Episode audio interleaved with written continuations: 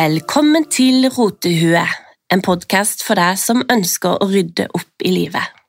I dag så har jeg fått med meg forfatter og psykolog Karina Karl. Velkommen! Tusen takk, Fiona. Vet du hva, Jeg har lyst til å ha deg med lenge, fordi at eh, din bok Tenk enkelt det var en av de første jeg plukka opp når jeg begynte på Rotehue-prosessen.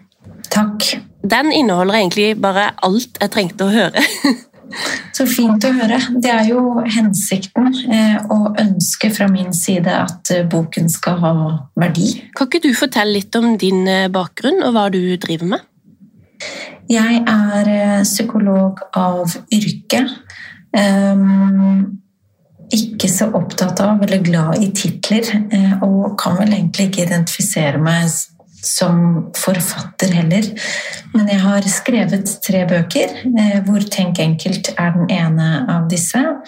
Um, og så jobber jeg med mennesker og er opptatt av å kunne hjelpe og bidra til en finere verden.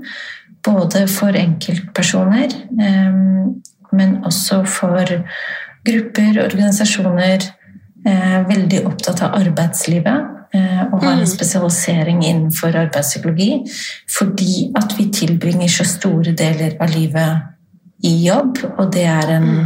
viktig kilde til identitet, til en opplevelse eller mulighet for å kunne utvikle og bruke evnene våre.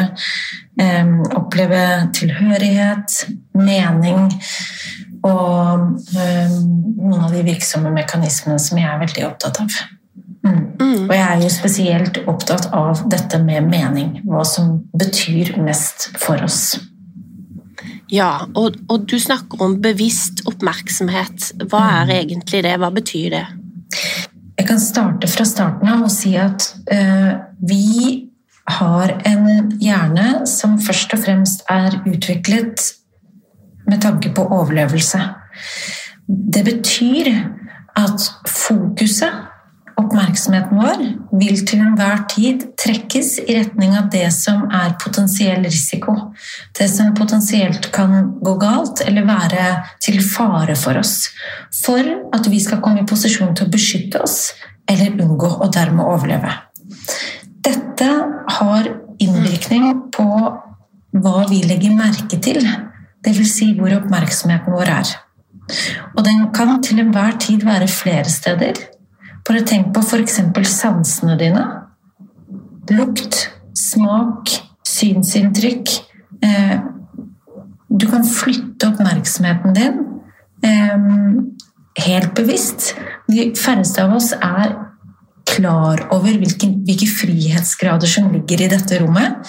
Eh, og spesielt viktig i, i vår teknologiske eh, tidsalder, hvor oppmerksomheten vår trekkes mot sosiale medier eh, og i det hele tatt smartphonen som, som den teknologien der som, som nettopp har én intensjon, og det er å fange vår oppmerksomhet. Og det klarer den jo i veldig stor grad. Resultatet at vi risikerer å, å bli oppslukt um, per automatikk uh, uten å være det bevisst. Så jeg tenker at Er det noe vi må vite og kunne noe om i vår tid for å kunne ha det godt og virke godt, og jeg tenker at det henger sammen, så er det å vite hvordan vi kan styre oppmerksomheten vår bevisst. Også fordi den er begrenset. Så i det øyeblikket du har din fulle oppmerksomhet et sted, så kan du ikke samtidig ta inn eh, noe annet. Det vil si, det begrenses i hvert fall. Mm. Og når tenker du det med telefonen går over til en avhengighet? Vi tenker jo på avhengighet som egentlig en sykdom som du må ha hjelp til å komme vekk ifra. Når er det det går så langt at eh, denne telefonen og sosiale medier og alt det her blir en avhengighet? Jeg tenker at det er et definisjonsspørsmål, men det handler vel om når du opplever at det blir utenfor din kontroll. Du mm. opplever at du må og, ikke, og ha en opplevelse av å ikke å klare å styre unna behovet for å sjekke eller gå inn eller bruke eller være i nærheten av eller tilgjengelig eller på telefon. Jeg kan jo si at eh, bare sånn tok jeg meg en tur ut i dag tidlig og ser en nydelig soloppgang med venninne, men vi har jo veldig behov for å ta bilder av det og dokumentere det likevel. Og det, jeg kjenner jeg blir sånn derre Oh, er det, er det, riktig? Skal jeg gjøre det? Tar jeg vekk oppmerksomheten fra, denne, fra naturen og lydene? Jeg kjenner jeg blir sånn konfliktet. Jeg sliter litt med meg sjøl. Og så tenker jeg at det kanskje ikke er enten-eller, men at det, verdien i det handler om å være nettopp det bevisst. Sånn at du kommer i posisjon til å velge. Mm. I det øyeblikket du betrakter den soloppgangen og tar bilder eller dokumenterer eh, uten å tenke over det, eh, eller blir mer opptatt av å dokumentere enn å være til stede i opplevelsen sammen med det andre mennesket, så kan du være litt oppmerksom. Ja. Jeg driver og tenker mye på de tingene.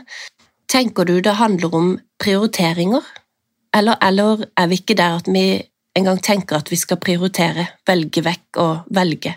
Jeg tenker at prioriteringer i aller høyeste grad er relevant, eh, relatert til oppmerksomheten. Mm. Så hva er det som skal få lov til å oppta din dyrebare oppmerksomhet, som er en begrenset ressurs? Hva er det som gir deg mest å fokusere på og legge merke til? Og hvis du eksempelvis tenker på dager hvor du opplever at du har det godt, eller øyeblikk hvor du opplever at du har det godt, som beriker, som fester seg i minnet, hva er det ved disse øyeblikkene eller disse dagene? Hva er essensen, hva er det virksomme? Det er en måte å legge merke til fokuset ditt og hvilken betydning det har hva som egentlig betyr mest for deg. Kan det foregå en sånn selvsabotasje der? At du vet hva som er godt, men du velger å la være? på en måte? Um, og da kan vi snakke om at glede er den skumleste følelsen. Ja. Det er skummelt å tørre å ha det godt. Mm. Og gjøre det som skal til, um, eller det man vet at virker berikende fordi fallhøyden blir så mye høyere. På mange måter så kan det være oppleves tryggere å ikke prøve, fordi da vet du Da har du en eller annen sånn underliggende bevissthet om et sikkerhetsnett. Eh, du kan alltid prøve litt mer. Du har den muligheten også. Det gir veldig mye mening. Mm. Og det er litt det med å ta sjanser i livet òg f.eks. avslutte det forholdet eller slutte den jobben og satse på drømmer og sånn, det er veldig skummelt. Mm, mm, mm. Tenk hvis du lykkes, ikke sant? Tenk hvis du mislykkes. Det er jo ja. Og så tenker jeg at kan du mislykkes hvis du faktisk har våget å gjøre det Nettopp den handlingen som handler om å ta deg selv på alvor. For bare det vil antageligvis føles og oppleves som en seier. Jeg har gått gjennom den der runda der det siste året og gjort utrolig mange sånne type valg og blitt mer bevisst. Og Derfor en sånn bok som du har skrevet, eh, Tenk enkelt, var veldig til hjelp, for du fikk satt tankene som jeg hadde, i system. Eh, og hadde, det er liksom ulike grep man kan ta, på en måte, som man må bli mer bevisst på. Men en ting jeg har lyst til å ta opp med deg, det er den Jeg sliter med den people pleasinga. At, at, du lever jo litt for andre for at andre skal være fornøyd. Og jeg klarer ikke å gå bort ifra det selv om jeg prøver. Eh, er det noe som du tenker er vanlig for alle, eller er det noen spesielt som sliter mer med det enn andre? Mm. Vi kan nok alle relatere til de aller fleste eh, opplevelser som ligger under det å være menneske. Men det handler om Vi befinner oss et eller annet sted på et kontinuum. Og der igjen så, så, kan vi se på hvordan vi grunnleggende fungerer. At vi er flokkdyr. Vi trenger å høre til, vi trenger å ha en plass i gruppen. Og, eh, i det, og, og det vil si at da er det noen ting vi tenker eller tror at vi må gjøre for å sikre denne plassen. Erfaringene vi gjør oss mm. i livet, og spesielt tidlig i livet, setter seg i oss på en måte som, som kommer til å farge og, og prege oss. Eh, det kan være at vi observerer noen rollemodeller, mennesker rundt oss som eksempelvis i ditt tilfelle da, Si at du, du hadde eh, noen i omgivelsene dine, en omsorgsperson, eller som var veldig oppofrende, eller at du, øh, du, lærte at det var det du måtte gjøre for å oppleve varm kontakt, f.eks. Eh, det kan være mange ulike forklaringer. Eh, sånn at miljø og genetikk mm. virker og spiller sammen. Og miljøet virker inn på hvilke eh, gener som, som er og blir stimulert og aktive. Så det er et veldig komplekst og sammensatt bilde. For noen så er det noen veldig tydelige og eksplisitte mm. erfaringer som, som virker inn på hvordan de virker og tenker. Og da disse underliggende antakelser om hvordan, hvordan eh, ting henger sammen, og hva de tror de må gjøre, altså leveregler. Eh, og for andre så er det Eh, mindre bevisst, og kanskje heller ikke så viktig å identifisere hvor kommer fra.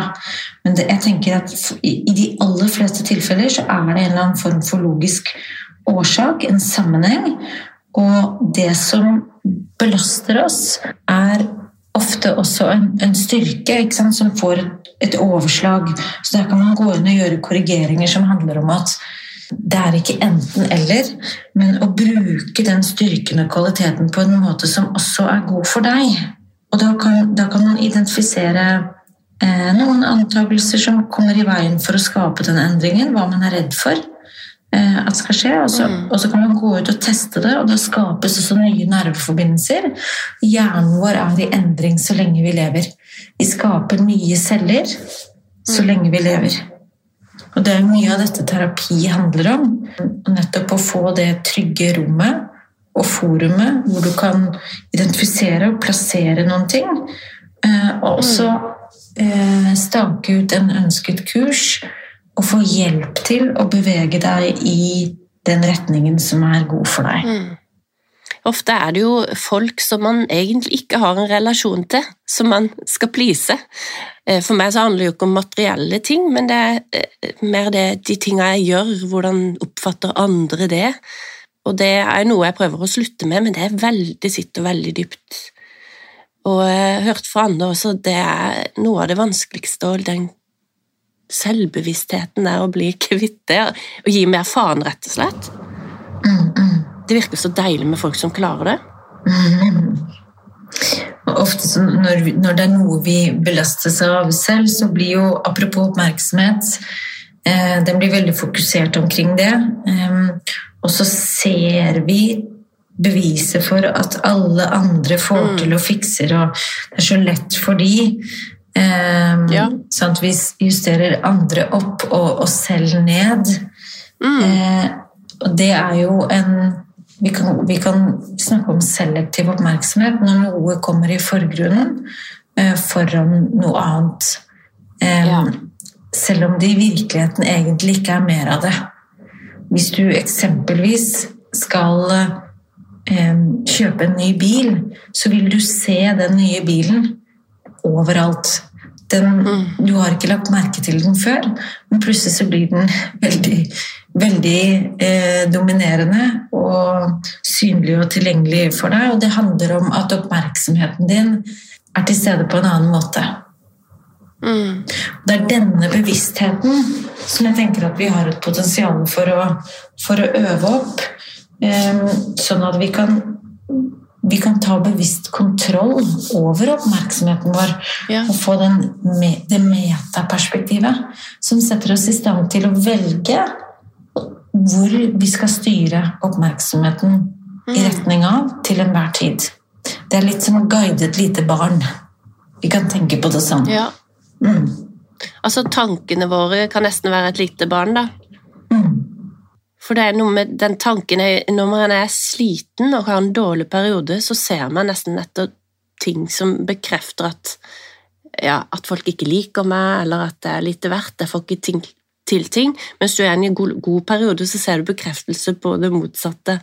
Så det, det man kan gjøre sjøl når du er å se litt på tankene utenfra, og så prøve å vise en vei til Snu litt på den der negative, da. Løft, løfte Ja, altså um, Spørre deg selv hvordan har jeg det nå? Um, og um, hvilken tilstand er jeg i? hvor er fokuset mitt? og hvilke andre perspektiver er tilgjengelige for meg? Hvordan vil jeg tenke om dette en dag hvor jeg hadde det bedre, f.eks.? Eller hvorfor ville jeg sagt til en annen person i samme situasjon?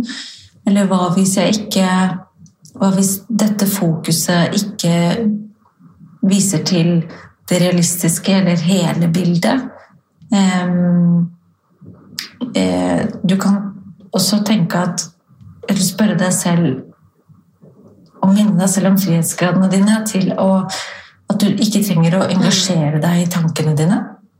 Eh, de klarer seg utmerket godt uten din oppmerksomhet. Tenk at du har 70 000-90 000 tanker i løpet av en dag. Eh, og de oppstår, og de avgår, og du er ikke tankene mm. dine. Du er den som erfarer dem. De setter avtrykk i deg emosjonelt, fysisk. Eh, men du kan velge å styre oppmerksomheten din. Du kan ikke styre hvilke tanker som, som kommer til deg, men du kan velge hvilke tanker mm. som du gir næring og fokus. Og det er en øvelse. Jeg husker når jeg var mindre, og ja, til jeg var godt voksen, så eh, Det er et så godt eksempel på å gi næring til eh, tanker. da, Så kunne jeg skremme meg sjøl opp noe voldsomt for å være redd for mørket. da, Eller at noen var i huset. Jeg hadde jo sett masse skrekkfilmer, men jeg husker at på en måte så likte jeg å stresse meg selv, så jeg ga jo masse, masse næring til de tankene, sånn at jeg ble reddere og reddere og reddere. Til slutt så trodde jeg jo på spøkelser. Og så bestemte jeg meg en dag for nei, da bodde jeg alene i et stort, gammelt hus. Jeg skal ikke være redd mer. Og så sa jeg til huset stopp! Eh, og så tenkte jeg nå skal jeg ikke være redd. Og jeg, jeg har slutta å være redd for absolutt alt av eh, overnaturlige ting og rare lyder og alt. Det var en sånn vanvittig befrielse. Og da tenkte jeg nå er jeg søren meg bevisst på tanken. Jeg tenker Det kan man jo gjøre på mange områder. da. Mm. Og så er det jo eh, For noen så er det mulig å si til seg selv at eh, nå vil jeg slutte med det.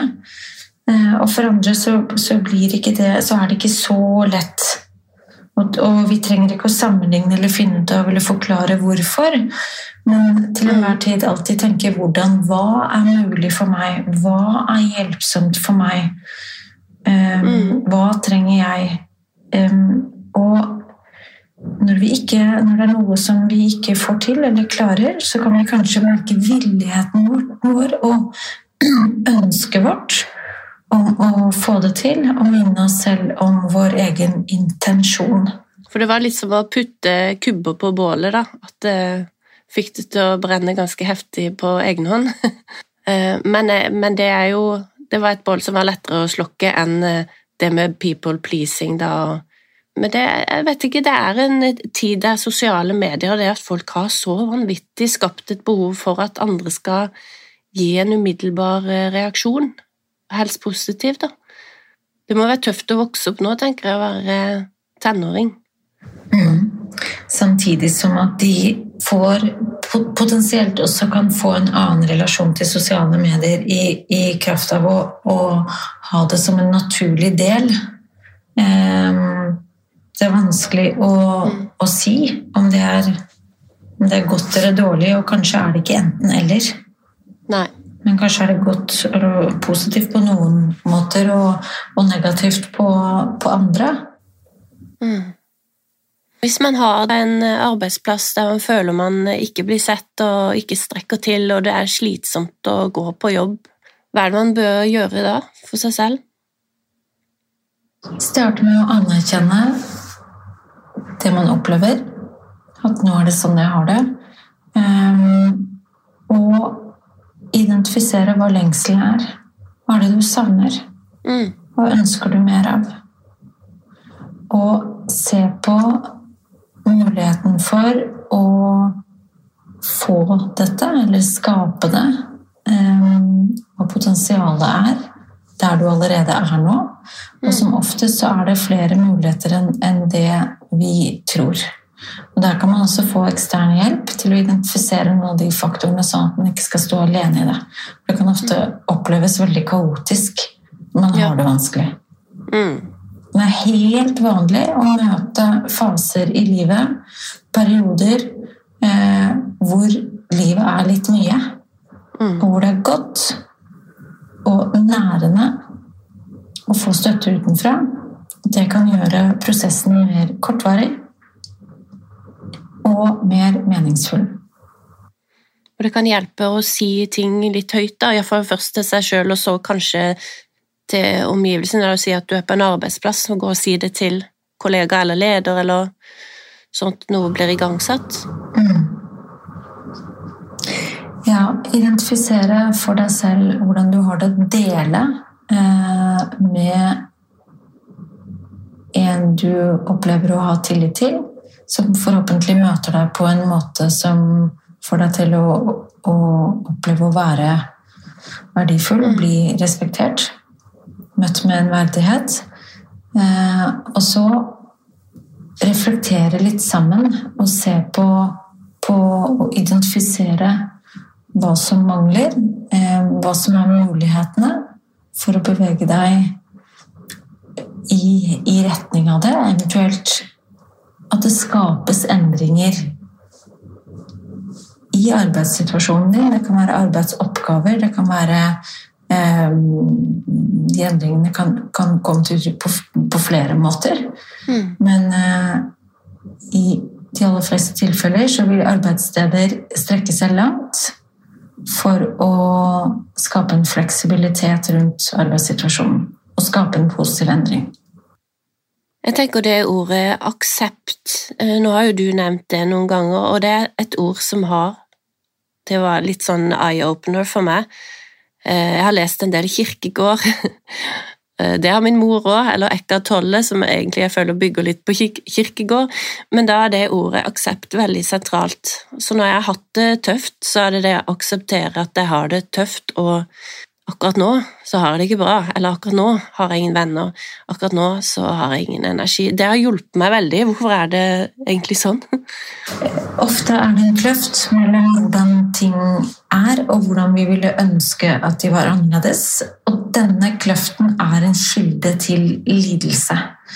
Ifølge buddhistene så er det den eneste kilden til lidelse. I det øyeblikket vi aksepterer, så kan det som skaper lidelse, altså selve lidelsen i det, det kan forsvinne. Så vi kan oppleve smerte. Det kan være ubehagelig, vanskelig, utfordrende å, å stå i. Men lidelsen letter. Mm. I tillegg så er aksept den første og viktigste, eh, det første og viktigste steget i retning av å skape en positiv endring. Så først må du forsone deg med hvordan ting er, for nettopp å kunne tre inn i noe nytt, eller skape det du ønsker deg annerledes eller mer av. Mm. Så aksepterer jeg på en måte første steget ut av lidelse, og du retter blikket fremover. For jeg syns det er veldig fint, egentlig, for det er godt og vondt samtidig. Du må anerkjenne at noe ikke er greit, for å kunne da gå videre. Og da det er det som å være liksom på bunnen, men eh, du står ikke og roter deg ned lenger, du er på en måte på vei oppover. Og den, du bør ikke være mye på vei oppover før du kan kjenne lykke. Det kan være et lite steg på riktig retning, kan gi en utrolig lykkefølelse. Og det er noe jeg Ja, det er vakkert. For fra andre så kan det virke som du er helt i grøfta, men du har kjent på et steg videre som faktisk kan gi deg en større lykke enn de som har det veldig bra, har det? Jeg tror, jeg tror at det er viktig der at vi ikke sammenligner oss. Og sammenligning altså, Comparison is, is a thief of joy. Um, ifølge Eleanor Roosevelt. Og, og, på mange måter så har hun rett. At å være nærværende med dine erfaringer og opplevelser fremfor å sammenligne deg opp mot mm. andre og det er akkurat det som, som teknologien også utfordre med, i tillegg til å fange oppmerksomheten vår ofte unødig og på en lite givende måte, eh, så kommer vi i en sårbar posisjon hva angår sammenligning, og som ofte blir negativ. Altså hvor vi sammenligner oss negativt. Sånn at jeg tror at noe av det som er sentralt her, er å eie egne erfaringer uten å skulle sette de opp eller mot, eller se de i lys av andres. Fordi vi erfarer oss selv innenfra og betrakter andre utenfra. Derfor er det vanskelig å si noe om hvordan andre har det, til sammenligning med vår egen opplevelse. Og det er jo litt som at tanken snakker ikke nødvendigvis sant til oss. Det er litt som at sosiale medier snakker ikke nødvendigvis, gir oss ikke hele sannheten. Og det er jo viktig å vite det. Og det er jo sånn når du betrakter en tanke litt utenfra, så kan du faktisk av og til bevise for deg sjøl at det der er jo ikke sant. Sånn som ingen liker meg. Jeg kan ingenting. Det er jo sånne absolutte tanker, det er jo som regel ikke sant. Men det må man vite, og det må man jo være bevisst på, da, sånn som du beskriver det, med bevisst oppmerksomhet på disse tingene. Mm. Og på den måten kan vi, når vi blir bevisst, så kan jo lidelsen forsvinne. Det er enkle grep vi kan gjøre. Stoppe. Spørre deg selv hvor oppmerksomheten din er nå. Flytte oppmerksomheten din aktivt til der hvor du ønsker at den skal være. Og da på den måten få erfaring med det frihetsrommet som til enhver tid bor i deg. Jeg skriver også i Tenk enkelt om indre frihet. Og det er veldig relatert til oppmerksomheten. At den kan du lære deg å styre og flytte. Da får du en opplevelse av kontroll og en indre trygghet i kraft av å erfare den friheten. Det er veldig flott når man oppdager det, da. Hvor mye kraft man har i seg selv. Og jeg føler Det har jeg opplevd mye på denne reisa her. Jeg har så mange tanker som har stoppa meg i å gjøre ting. Sånn som for eksempel, jeg skal aldri eh, kjøre bil. Jeg kommer aldri til å ta den lappen. Jeg kommer ikke til å ha råd til det eller klare det. Og så bestemte jeg meg, så tok det to måneder, og så var det gjort. Så tenk enkelt. Finn de små, men enkle grepene du kan gjøre for å øve og stimulere oppmerksomheten din. Og så vil jeg si at det å tilbringe og investere ti minutter om dagen på å sitte med oppmerksomt nærvær ehm, Støtte seg til en lydfil. Der brukes jo eksempelvis mindfulness som metode. Ehm, det er med på å styrke evnen betydelig til å styre oppmerksomheten bevisst. Og det trenger ikke å være så langvarig, men hyppigheten, det å, å, å gjøre, det, gjøre, det, som en daglig rutine, det kan stimulere til, til et frihetsrom um, som gjør at du opplever at du vil kunne styre oppmerksomheten din. Du faller mer til ro, og du, du får det metaperspektivet som du kan lære av. Spesielt i krevende situasjoner fordi du har øvet deg mm. som en del av det daglige. Det, vi kan kalle det mental trening, vi kan kalle det Det er ikke så farlig, men det er jo en måte å, å øve seg på å bruke og styre oppmerksomheten bevisst. Der eh, ligger det eksempelvis noen gratis lydfyller på min nettside. Eller så finnes det jo et, et vell av apper og lydfyller tilgjengelig som man kan støtte seg til for nettopp å lære å styre oppmerksomheten bevisst. Og det er relevant for oss både i privatlivet for å ha det godt, men også i arbeidslivet for å kunne virke godt. Da kan vi legge en lenke på Rotebu på Facebook til eh, din hjemmeside. Eh, du kan jo si den her òg. Det er Det er karinakarl.no. Karina og Carl med c.no. Jeg kan også nevne at det er en ny bok på vei etter hvert som er relevant i denne sammenhengen, og mer kan jeg ikke si nå. Så spennende. Det gleder jeg meg til. tusen takk for at du kunne komme, Karina. Det var utrolig fint å få høre deg snakke, endelig. Jeg har jo sett eh, litt klipp på YouTube og lest litt artikler og sånn, men eh, det var veldig fint å få deg med i Rotehuet. Selv takk, og takk for tilliten, Fiona. Da vil jeg bare takke for at akkurat du har lytta i dag. Jeg blir kjempeglad hvis du tagger deg sjøl i innlegg på Instagram når du hører på Rotehuet. Om du driver og rydder, eller om du driver med å male eller ommøblere, eller hva du gjør. Det er veldig hyggelig. Kom gjerne med tips med tema som du ønsker at jeg skal ta opp i Rotue, eller om det er aktuelle gjester du syns jeg skal få med. Vi høres neste uke.